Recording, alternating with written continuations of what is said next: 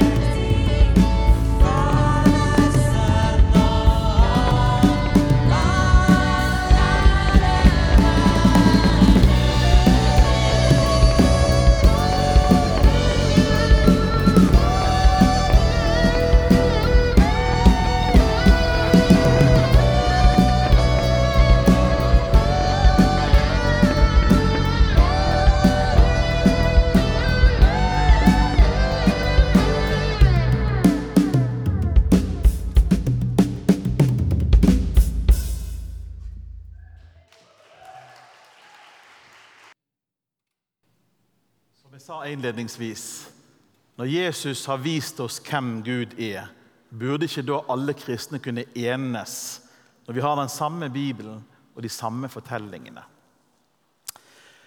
Men legg merke til at teksten vår sier ikke noe om at selv om Jesus har vist oss hvem Gud er, at det innebærer at vi kommer til å bli enige av den grunn. Det står faktisk ikke i teksten. De kunne ikke engang bli enige om i Johannes' innledningen som kalles prologen Han kom til sine egne, men hans egne tok ikke mot ham. De kunne ikke engang bli enige om hvem Jesus var. Så at vi skulle bli enige i dag, det er ikke sikkert det er spesielt enkelt å bli enig. Ingen har noensinne sett Gud, sier da Johannes. Men da altså før nå. For her forandrer hele fortellingen seg. Jesus har vist oss hvem Gud er. Og Så kommer den nye avsløringen som setter jøder i et problem, akutt. Og det setter jødekristne i tilsvarende akutt problem. For begge parter kjente jødenes trosbekjennelse. Hør, og Israel, Herren er vår Gud, Herren er én.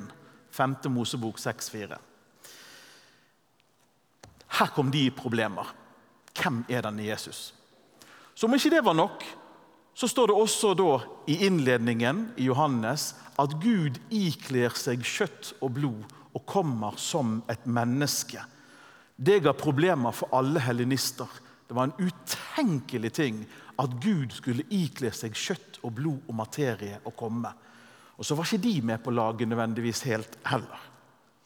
Gudemennesket ga mange problemer for kirken helt umiddelbart. For hvordan skulle de få plass til én Gud og så var Jesus der også. Og så ble det sagt at Jesus var Gud og er Gud. Så da prøvde de å løse det.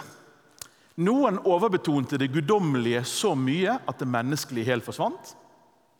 De andre de prøvde å betone det menneskelige så mye at det guddommelige svant.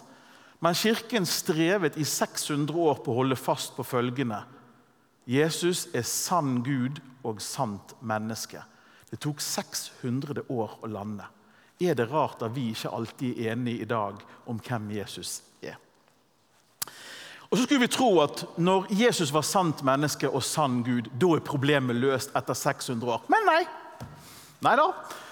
For da kom spørsmålet om Den hellige ånd opp. Er det sånn at Faderen bare sender Den hellige ånd, eller gjør Sønnen det også? Og Da skilte Kirken lag. og Så fikk vi Vestkirken, som ble den katolske. Så fikk vi Østkirken, som er den, romers, som er den ortodokse, gresk-ortodokse kirken. Så når Den hellige ånd kom inn i miksen, så ble det problemer av det òg. Men hvis vi er overrasket, så er tegnene å finne allerede i evangeliene. Disiplene hadde jo ikke heller forstått hvem Jesus var etter tre år sammen. For Philip sier til Jesus, 'Herre, vis oss Far. Det er nok for oss.' Og Så svarer Jesus, Kjenner du meg ikke, Philip, enda jeg har vært hos dere så lenge? Den som har sett meg, har sett far. Allerede der så ser vi jo Vet de hvem Jesus er, og hvem det er? Jeg tror fullt og helt at Gud kjenner alle mennesker fullt og helt. Allerede før vi er skapt. Salme 139 forteller om det. Jeg tror på samme tid at intet menneske kan kjenne Gud fullt ut. For Gud er alltid større enn det både du og jeg og alle andre kan romme. Det er grensesprengende hvem Gud er. Og Det skulle på en måte gi oss litt grunn for å være ydmyke. Bildet av Gud det pleier å være sånn hos de fleste at det endrer seg, det vokser og det er i bevegelse gjennom hele livet for kristne. Ikke fordi Gud har blitt en annen, men jeg har blitt en litt annen enn jeg var da jeg var 20 år. Nå nærmer jeg meg 50. Nei, egentlig 49, da. Jeg ljuger litt. Feil vei. Men du og vi utvikler oss. Sant? Det skjer noe hele tiden. Og Spesielt i den tiden som ung voksen så utvikler unge voksne seg i rasende fart. Og veldig ofte skjer det noe med forestillingen om Gud samtidig. Noen av de tingene vi lærte som barn, holder ikke lenger. Barnetroen funker ikke på en voksen verden. Det må skje en utvikling i gudsbildet også. Vi er blitt eldre, vi har erfart mer, ulik livssituasjon. Om man er der i livet som kanskje dere er, håper jeg at dere har fremtiden foran dere, så har dere én innstilling til Gud, eller kanskje mange. Den dagen dere passerer middagssyden og oppdager jeg har færre år foran meg enn bak meg, det gjør også noe med synet på Gud. Der er jo der jeg er. Det var en kompis av min bror som sa til meg første gang det, oppe på Lydahorn. Helt ut av det blå sier hun ja, nå er det blitt sånn Inge, at vi kanskje har færre dager foran oss enn bak oss. Tenkte jeg, Det var utrivelig av deg å si. Vi har ikke sett hverandre på lenge. Men det var jo sant, men ubehagelig. Hvis du er frisk, så tenker du kanskje om Gud på en måte. Er du blitt syk, så betyr kanskje hvem Gud er, noe annet. Dette bildet hele tiden beveger seg. Hele livet. Det er dynamisk. Og det passer jo bra, for Gud er dynamisk. Til tross for alt dette, da, kan vi vite noe godt om Gud? Ja, vi kan det. Bibelen er den beste kilden til å finne ut noe om Gud. Og Jeg tror det er viktig å jobbe med de fortellingene som Bibelen gir oss over lang tid. Les hele livet ditt. Punktum.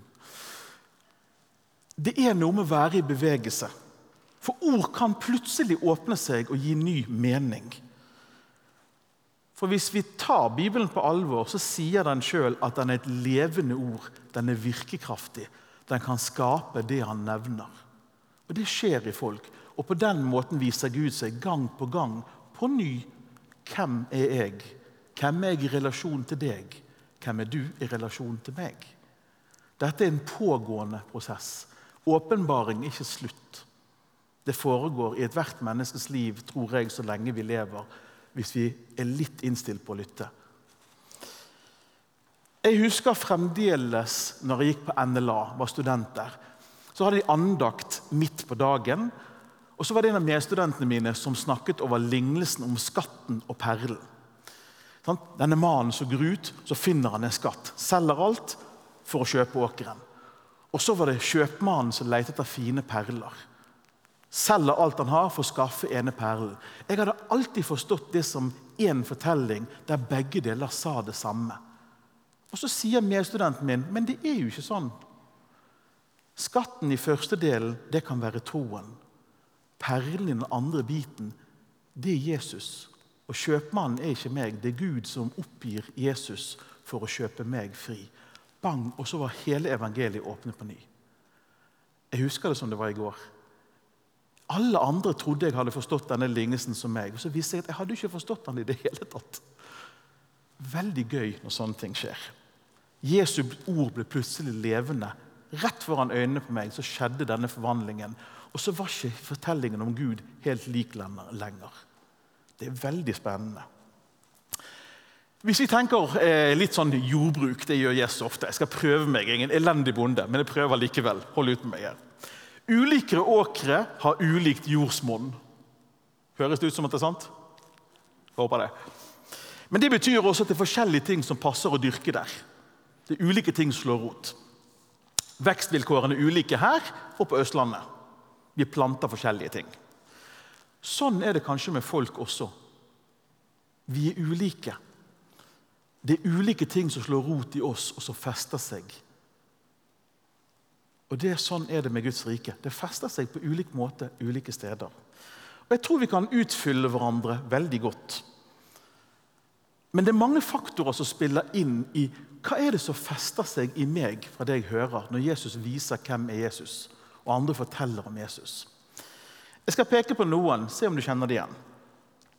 Det første er jo hva vektlegger jeg av det jeg hører? Det har jo alt å si for resultatet til slutt. Hva har det å si for hva jeg sier og hører, hva jeg vektlegger i teksten? Det jeg blir oppmerksom på. Hva taler til meg ut fra hvem jeg er? Og hva er situasjonen jeg lever i, å si for hva jeg hører og får med meg? Hører jeg det samme om frihet som en som er i Sør-Amerika og bor under et undertrykkende regime og kjemper for maten og livet sitt hver dag? Hører jeg det samme som bor i demokrati i Norge? Jeg tror ikke det. Hvor gammel jeg er, hva skjønn jeg har, hvor jeg bor, hvilken tidsalder. Alt dette påvirker hva vi får med oss. Det har noe å si. Hva oppvekst jeg har hatt, det har også noe å si, tror jeg. Hadde jeg et kristent hjem, eller hadde jeg ikke det? Det er gjort undersøkelser som viser at barn som har hørt om lignelser om Jesus som den gode hyrden, som har hørt om den trofaste Gud fra de er liten, skårer veldig høyt på tillit hos Gud. Voksne og ungdom som kommer til tro, skårer lavere på den, for de har ikke vokst opp med de samme fortellingene. Hva har det å si for hva gudsbildet vi danner oss? Det er mange faktorer som virker inn, til og med ting vi ikke har kontroll over. For det handler altså om gudsbilder.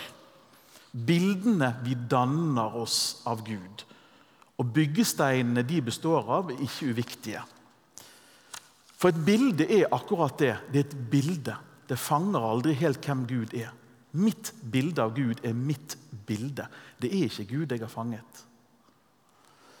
Det kan inneholde sannhet, det bildet. Det tror jeg jo, sånn som teksten sa.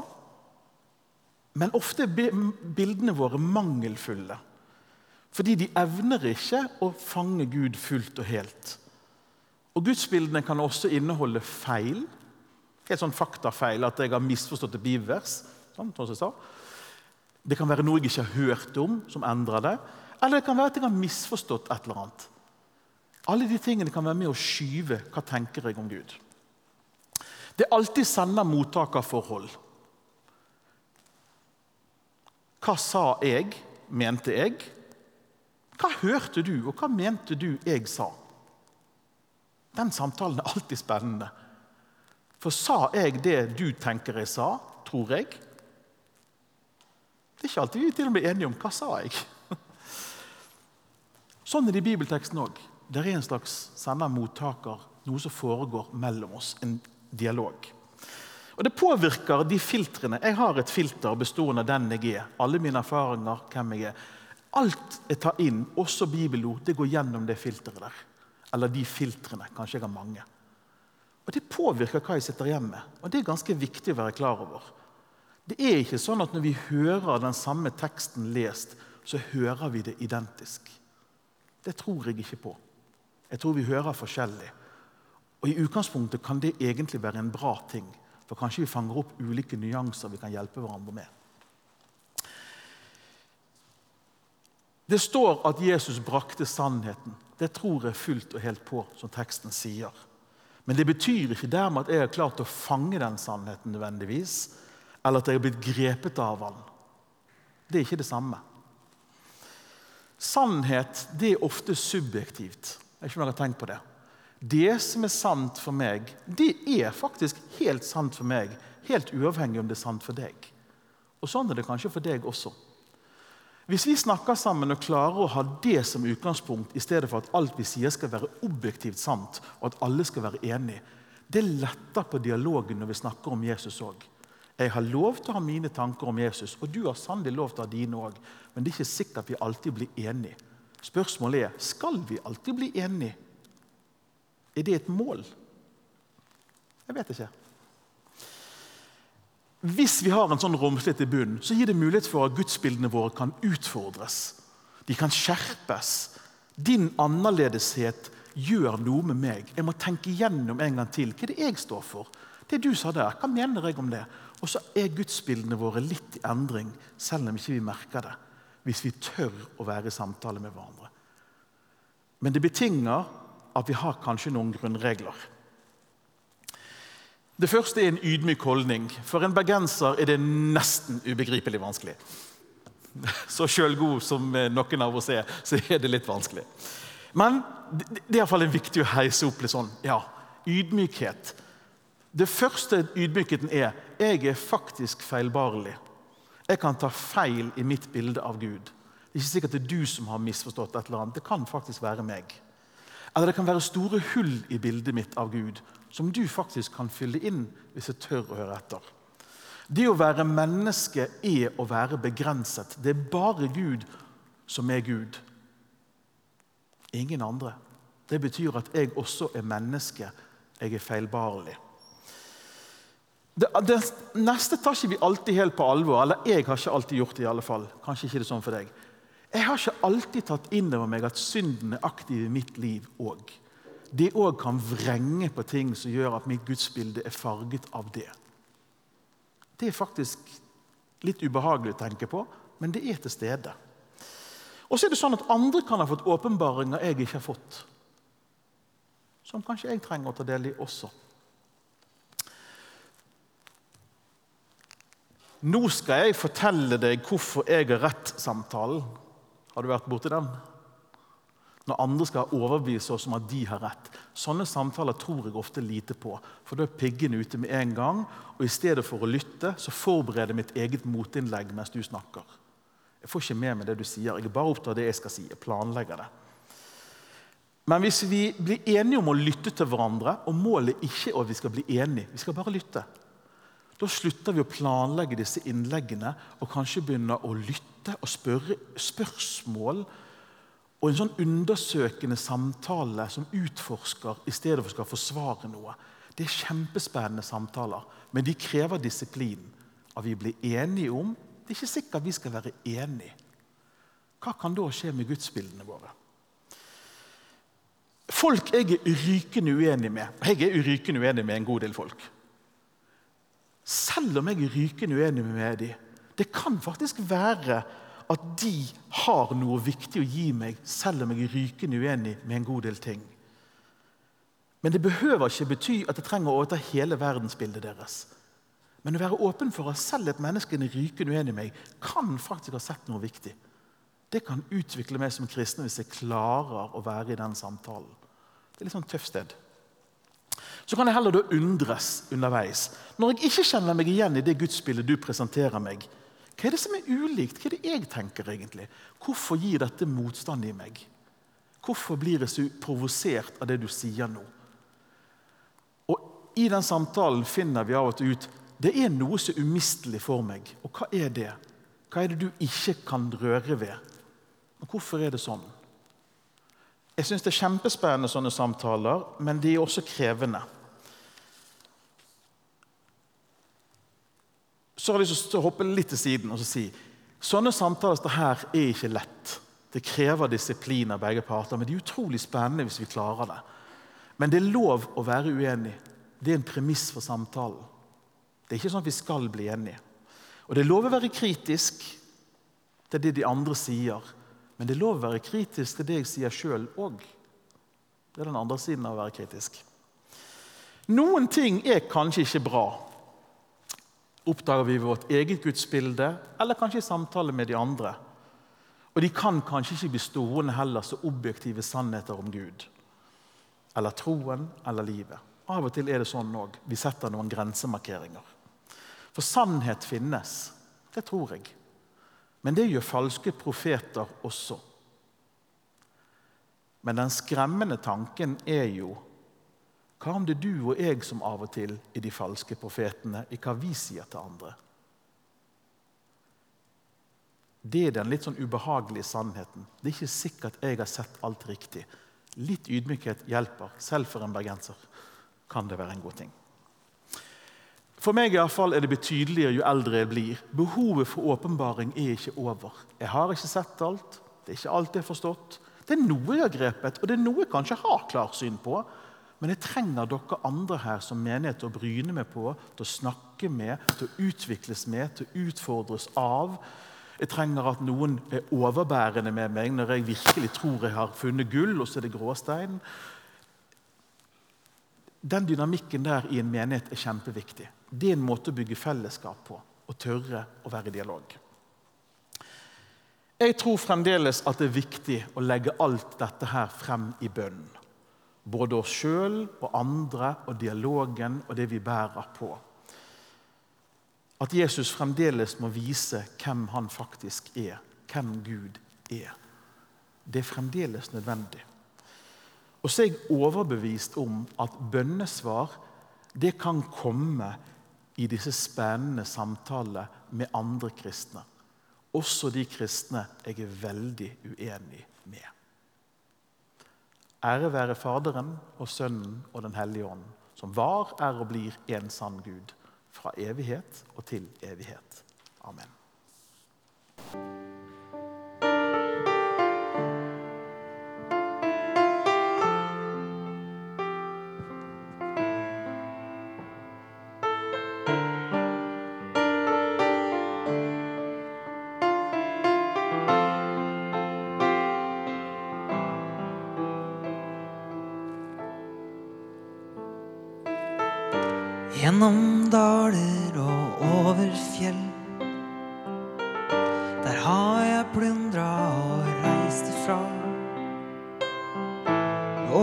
Fjorden en varm vestlandskveld. Der fikk jeg med mer enn det jeg ga. Og noen sier veien blir til mens en går. Men livet stivner skritt for skritt. Og selv om vinteren alltid blir til vår, forblei det kaldt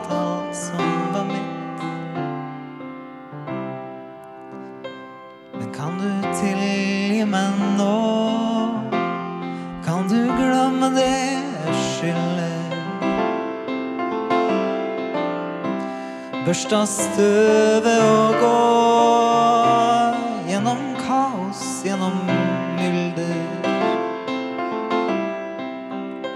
Kan du tåle å se at jeg bare er et menneske? For om jeg trygler på kne Det vil ikke hjelpe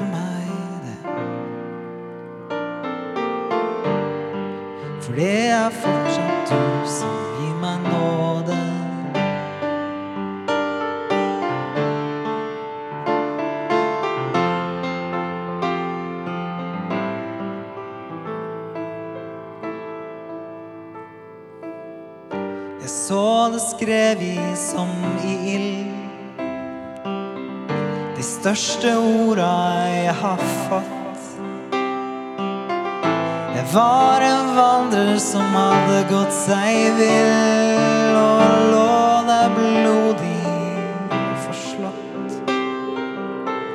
Jeg sto og så på deg i lang, lang tid. Du sto som tjora til ei mast.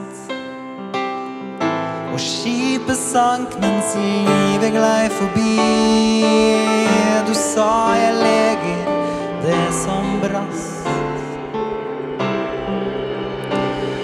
kan du tilgi meg nå?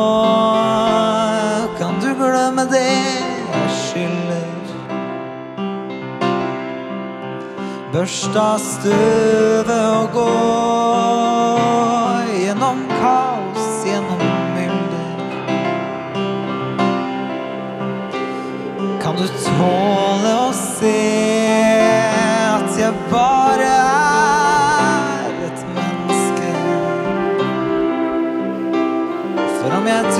trygler på kne